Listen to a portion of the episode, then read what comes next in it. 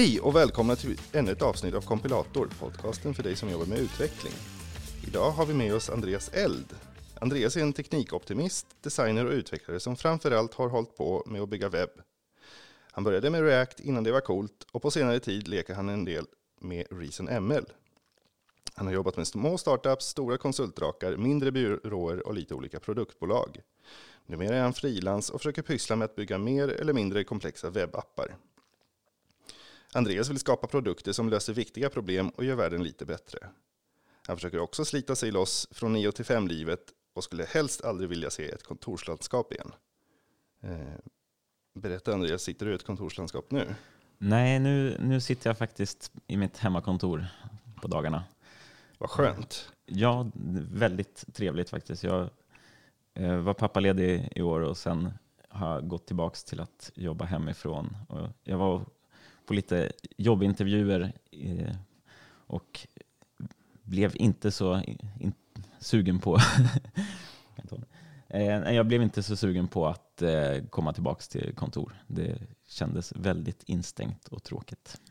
Det, det, det är många som säger så. Ehm, och det är många företag som ehm, dels erbjuder jobba hemifrån, men, men även vissa som kör liksom helt remote, som typ GitLab vet jag, kör helt distribuerade team. Um, och det, det, det, det, verkar vara väldigt många utvecklare som, som efterfrågar det. Ja, jag tror framförallt som, som kontoren ser ut numera med öppna kontorslandskap och eh, mycket distraktioner så blir det väldigt svårt att att, göra ett bra jobb. Ehm, och när man väl testar på något annat så, så märker man att, att eh, det finns stora fördelar med att inte sitta i eh, vanliga landskap. Ehm, det är bra för själen och produktiviteten. Ehm, även om det förstås kommer med eh, vissa utmaningar att inte ha folk på samma plats också. Ja, och så har jag hört sådana som har jobbat hemifrån längre. De är oftast i två läger. Antingen så älskar de det och de kan aldrig någonsin tänka sig att gå tillbaka. Eller så, så blir de liksom, de, de får lappsjuka och mm, liksom söker sig till kaféer bara för att ha människor runt sig.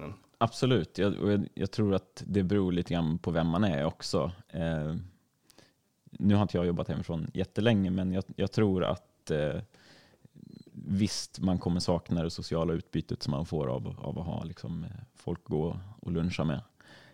Um, men samtidigt, det finns ju alltid eh, valet att sitta på ett kontorshotell eller eh, så, eh, när man känner att man behöver det. Det här med att jobba hemifrån skulle jag kunna göra ett helt program om, för det tycker jag är ett jätteintressant ämne. Men det är inte därför vi är här idag. Eh, vi är här idag för att du jobbar med något som heter Reason ML. Berätta, vad är det för något? Ja, ReasonML är en syntax och en toolchain som är byggd ovanpå programmeringsspråket OCaml. OCaml är ganska okänt, men det är ett väldigt etablerat och välbyggt språk som framförallt har jättebra typsystem och bra eh, kompilator-story kan man säga. Så att det kompilerar till eh, native, till eh, JavaScript och till eh, lite annat. Eh, men, men ReasonML som är byggt av eh, Jordan Walk på Facebook, samma kille som, har, eh, som startade React-projektet. Eh, tanken med ReasonML är att det ska vara väldigt tilltalande för folk som kommer från JavaScript, eh, som är vana att bygga eh, React eh, specifikt. Då. Det det erbjuder ett, ett eh, väldigt trevligt, eh, typsäkert alternativ till JavaScript. Jag, jag som har hållit på med React i fem år ungefär började ju, eh, bli mer och mer frustrerad med att, att eh, typsystemet i JavaScript är icke-existerande. Och, och det kändes som att det behövdes Eh, ett, ett språk som var mer byggt för paradigmet som, som React eh, kom med. Liksom. Eh, och, och det är det som, som är liksom grunden till varför Reason skapades. Eh. det som jag tycker är intressant för O'Camel, eh, nu, nu är jag inte jättepåläst, men, men det känns som att det är ett, en av de här liksom 70-talsdrakarna. Det känns som att jättemycket grejer som uppfanns på 60 och 70-talet och som mm, mer eller mindre försvann från radarn börjar dyka upp nu som ja, men just funktionell programmering, OCaml, Lisp har mm, fått världens uppsving. Um, varför, varför tror du det är så? Eh, jag tror att OCaml eh, startades någon gång på 90-talet. Eh, ett projekt från universitet i Frankrike. Jag tror att man eh, insåg efter att ha testat objektorienterad programmering under en längre tid så börjar man inse de problemen som kommer med det. Eh, upptäcka att eh, ja, man kom tillbaka till de insikter man hade på 70-talet när funktionell programmering var, ja, jag vet inte om det var specifikt på 70-talet. Man, man, man började leta efter alternativ till objektorienterad programmering och då eh, passar funktionell programmering väldigt bra. Eh, kanske är det också så att den tekniska utvecklingen på något vis har gjort att, att det funkar bättre nu än vad det har gjort tidigare. Men det, det är i alla fall inte ett ovanligt mönster att eh, ett akademiskt språk som ligger i dvala eh, får en renässans med en ny implementation. Jag tänker typ som Closure och Lisp som, som är en modern eh, variant med en eh, modern verktygskedja också. Eh, kan inte du berätta hur du kom i kontakt med Reason? Um, det, Reason lanserades väl för, vad det nu är, tre år sedan eller något i den stilen. Uh, och uh, eftersom jag följer många av dem som, som pysslar med React så, eh, så såg jag det när det kom och eh, blev intresserad direkt. Eh, så att jag, har, jag har följt med det och pysslat med det på, på fritiden en, en hel del. Eh, och det utvecklas fortfarande ganska snabbt. Eh, och i ärlighetens namn är det fortfarande ganska mycket kvar innan det kommer kännas riktigt färdigt. Ehm, men, men det är ett väldigt spännande projekt och det är i högsta grad eh, liksom användbart eh, redan nu. Just eftersom att mycket av de grunderna har funnits på plats länge eh, genom att det bygger på OCaml som ett, ett väl etablerat språk. Så ReasonML är ett modernt språk baserat på OCaml. Eh, kompilerar ner till JavaScript och andra språk också. Eh, och så nämnde du att eh, det, det lirar bra ihop med React. Kan du berätta mer om varför det är det? Eh, precis. Det är, om, man, om man är van vid React i vanlig JavaScript eller eh, TypeScript så, så vet man ju att det här med prop types eller prop interfaces i TypeScript är lite mäckigt att hantera och eh, man får i, i Reason så kan man eh, kan man skriva komponenter egentligen utan några typannotationer eh, eller annoteringar. Men det blir ändå helt typsäkert. Eh, Reason har ett typsystem som är eh, helt säkert till skillnad från eh, TypeScript, vilket innebär att, att eh, det garanterar att typerna stämmer. Eh, så du får inga, inga typfel i, i runtime. Eh, liknande Elm har också samma garantier. Ehm, så att, och det är mycket av samma filosofier eh, guidar eh, Reason som, som React. Att det är funktionellt i grunden, men det finns escape hatches som gör att om du behöver göra någonting imperativt eller objektorienterat så kan du göra det. Ehm, så att det, det är pragmatiskt eh, snarare än dogmatiskt eh, på samma sätt som React är. Och det är till skillnad då från Lisp eller Haskell som är, som är väldigt dogmatiska funktionella språk.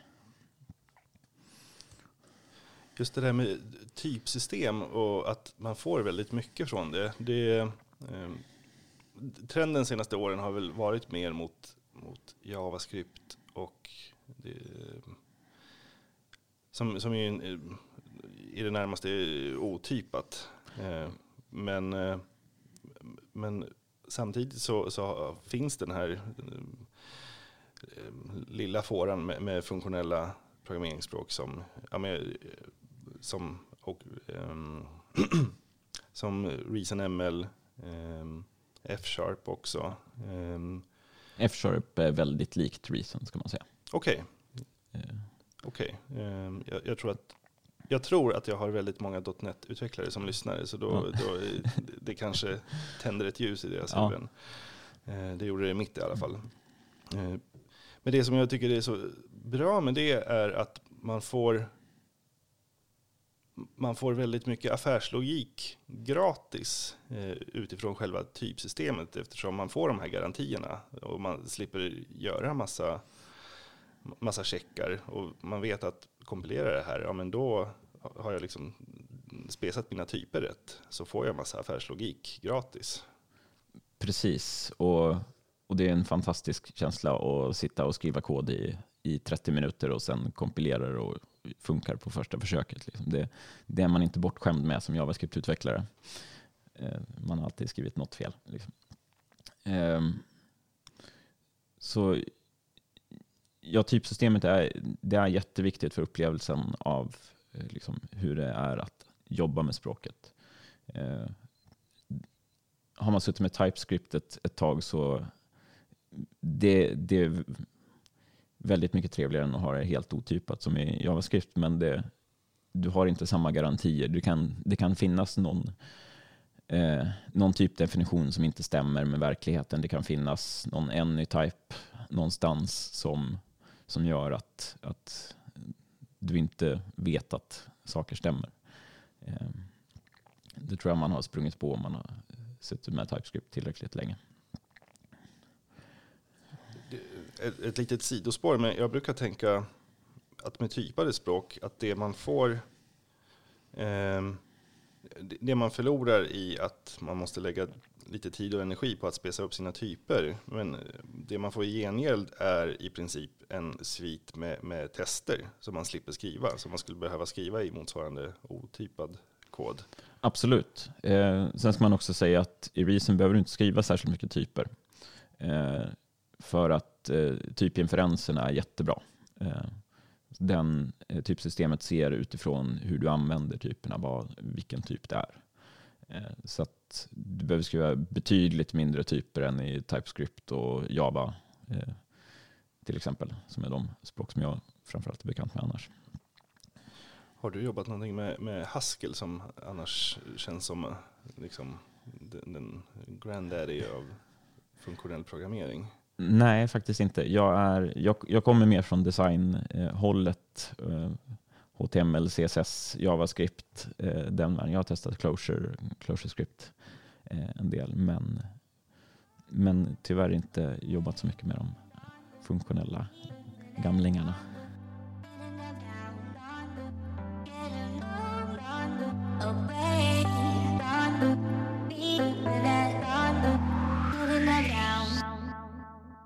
Hej kära lyssnare! Den 3 och 4 februari 2020 går konferensen Svetug av stapeln i Stockholm. Två dagar fullspäckade med intressanta dragningar om det senaste inom .NET och utveckling med många talare från när och fjärran. Kompilator kommer vara på plats och spela in avsnitt, så kom förbi och säg hej.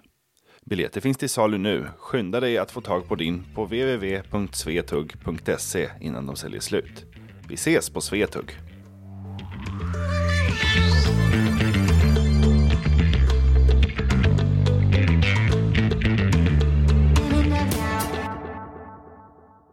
Grej som eh, när man kommer från eh, objektorienterad eh, utveckling som de flesta har kört eh, och så får man se funktionell kod så kan syntaxen se väldigt kryptisk ut. Ehm, kan vi prata lite om den? Precis. Alltså, fördelen med Reason är att kommer du från JavaScript eller eh, C-sharp eller något sånt där så du kommer utan problem kunna läsa Reason-kod. Det är du, du känner igen syntaxen därifrån. Eh, däremot finns det liksom funktionalitet som, som man inte är van vid. Det finns eh, ett gäng ganska häftiga features som, som inte finns i andra språk. Jag, jag vet att eh, i alla fall C-sharp är väldigt långt framme med att plocka in eh, att plocka in features från andra paradigmer. De, de var ju ganska eh, tidigare med eh, det står still i huvudet. Pattern matching. Ja, det var det jag skulle komma till. Jag skulle ge andra exempel. Men jag, Ehm, C-sharp var, eh, eh, ligger ju ofta ganska långt framme med att plocka in saker från andra paradigmer. Eh, som nu, jag tror att det senaste versionen av C-sharp, de har ju plockat in pattern matching som, som är en väldigt kraftfull funktion i, i funktionell programmering. Ehm, och det antar jag att det, det finns i, i Reason. Precis. Reason har någonting som kallas för variants som är eh, man kan tänka på dem som enums som kan ha data med sig. Eh, och då kan du göra pattern matching eh, på de varianterna och på datan de har med sig. Vilket är ett väldigt kraftfullt eh, sätt att, att programmera. Och det, det känns väldigt naturligt när man väl har använt det ett tag.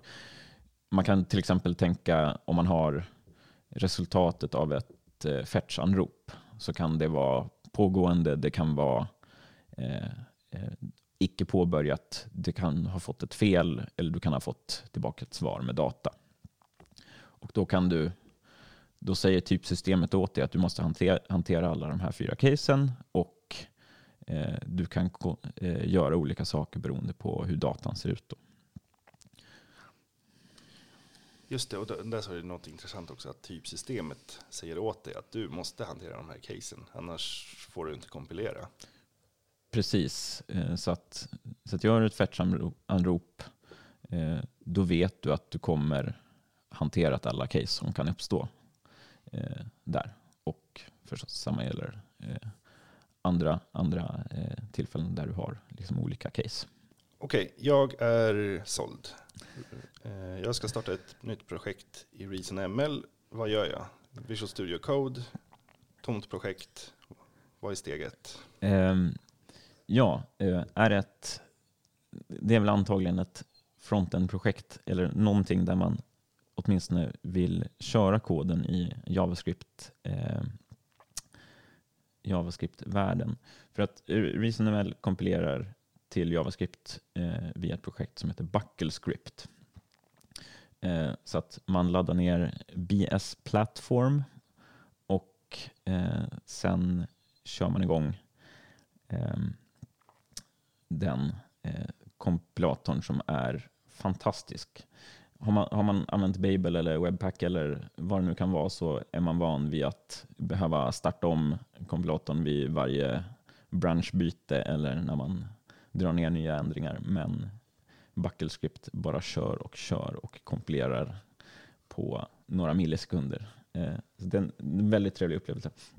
Ehm, men för att veta vad man ska skriva så går man in på eh, Reasons dokumentation som tyvärr är väl det, den delen av Reason världen som inte är helt tipptopp än. Det pågår projekt för att förbättra dokumentationen men, men den finns där och det är absolut gott nog för att komma igång.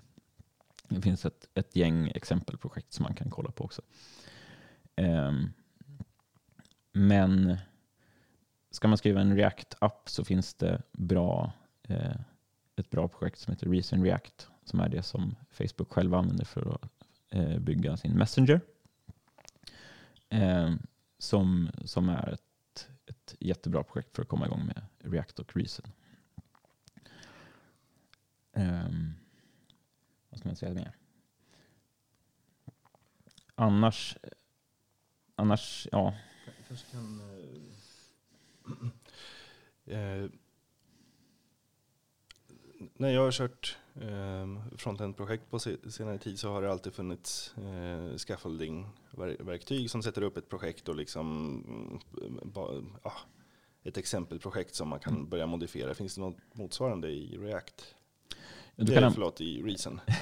precis. Ja, du kan använda Create React App som är, som är liksom standarden för React-appar. Eh, och sen lägger man bara till då eh, Bucklescript-kompileringen själv. Det finns bra exempel på hur man gör det. Och bra, bra exempel på projekt som man kan utgå ifrån. Um, um, så att man, man lägger på ett, ett steg ovanpå den, den vanliga eh, React-pipelinen kan man säga. Och sen utvecklar man sin React-app precis som vanligt fast med, med Reason istället för JavaScript eller TypeScript. Och, och sen antar jag att det finns liksom några paketeringssteg också som, som gör en produktionsredo. Ja, precis. Det, det, Bucklescript producerar alltså vanliga JavaScript-filer som du som är i allra högsta grad läsvär, läs, eh, läsvärda, ska jag inte säga. läsbara. Eh, Bucklescript producerar f- filer som är väldigt läsbara. Eh, men sen för att paketera för produktion så gör du bara precis på samma sätt som med eh, vanlig React-app.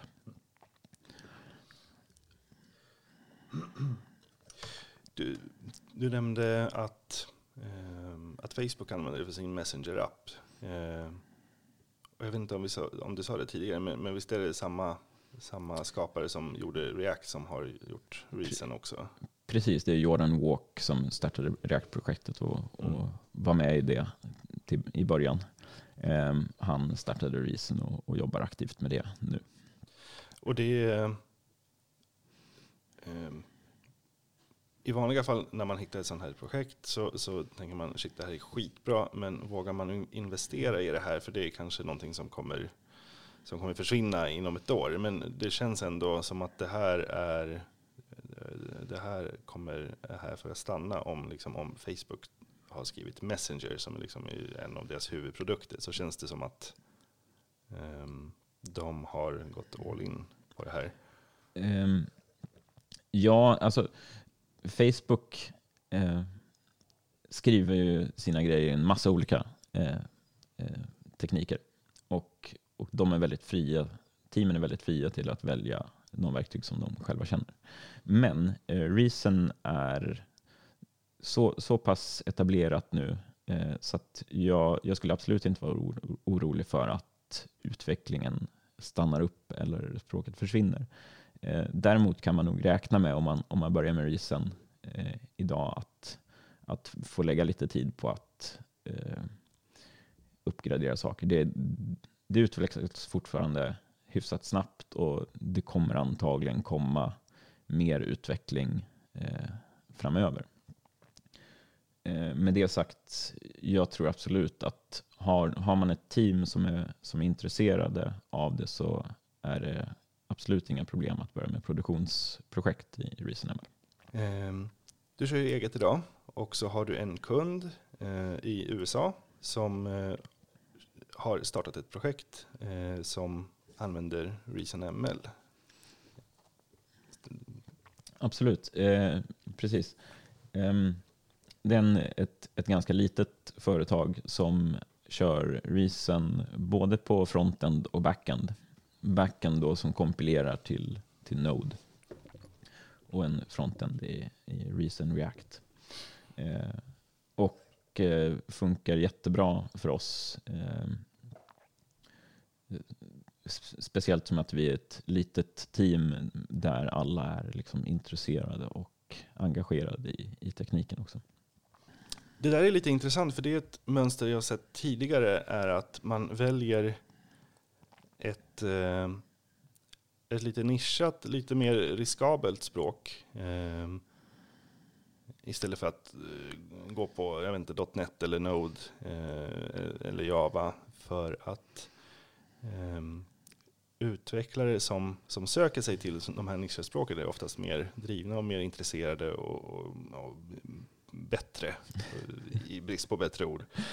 Ehm, jag, jag vet till exempel, Klarna valde ju Erlang ganska tidigt. Och jag, jag vet inte, de, de, kanske, de hade säkert tekniska eh, grunder för det också. Men, men man attraherar en viss klass av utvecklare. Absolut, och jag tror att man, man nog ska ha tekniska grunder för, för sina teknikval också. Men, men absolut, jag tror att om, om man är på jakt efter utvecklare som, som är väldigt eh, engagerade i tekniken och duktiga eh, på det de gör så tror jag att språk som Reason och Elm och Closure eh, till exempel kan vara jättebra val. Däremot är ju poolen av utvecklare lite mindre. Så ska du ha många utvecklare på en gång, då, då kanske det är ett, ett svårare eh, val att göra. Men, men för projekt som eh, växer lite långsammare så kan det finnas jätte, jättefördelar. Jag hade definitivt inte jobbat med den här kunden om de inte hade använt Reason till exempel. Känner du till några fler projekt som, eh, som är reasonbaserade? Används det någonting i Sverige? Är det, liksom... Eh, det, finns, det finns ett gäng projekt, eh, några produkter som använder det. Eh, bland annat Day One eh, som är en eh, dagboksapp som är rätt stor i USA använder det.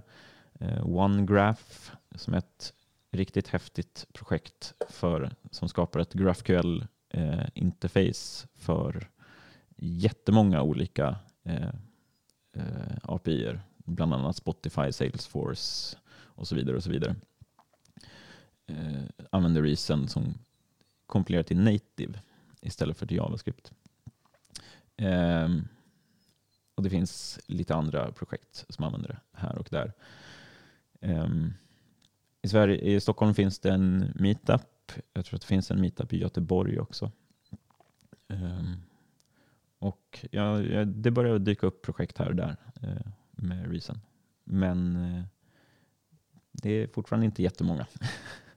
Det är säkert jättemånga som, uh, som sitter och lyssnar på det här som är sugna på att ta sig en titt på, på Reason. Har du något tips på vart de kan söka sig?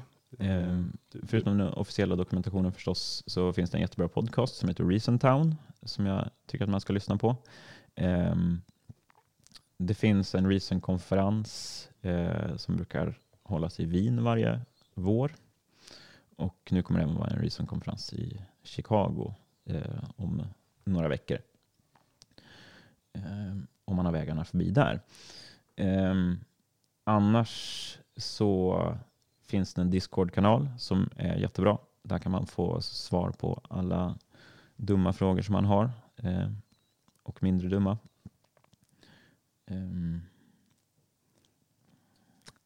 Och så givetvis eh, de eh, meetupsen i Stockholm och Göteborg. Absolut. Eh, det brukar hållas, är man i Stockholm så brukar det hållas en meetup varje månad eh, som är jättetrevlig. Vi länkar till den i show notesen helt yes. enkelt. Grymt. Är vi nöjda eller? Jag tror det. Jag, jag, jag, jag är jättenöjd, ja, men, men, men om, eh, om du har mer så absolut. Ja, men jag, jag, jag, jag har fått med Jag kommer säkert komma på små grejer, små grejer sen, men jag tror absolut att det... Vi kanske har en del två om, om ett tag. Så.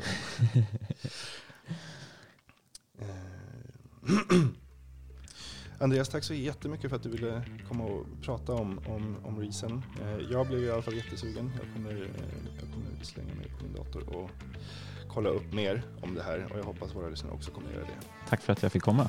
Tack. Du har lyssnat på ett avsnitt av Kompilator, podcasten för dig som jobbar med utveckling. Du kan hitta tidigare sända avsnitt på kompilator.se eller genom att söka på kompilator där du hittar dina podcasts. Kompilator produceras av Bartek Tatkowski och BRTK Digital AB. Läs mer om oss på brtk.se.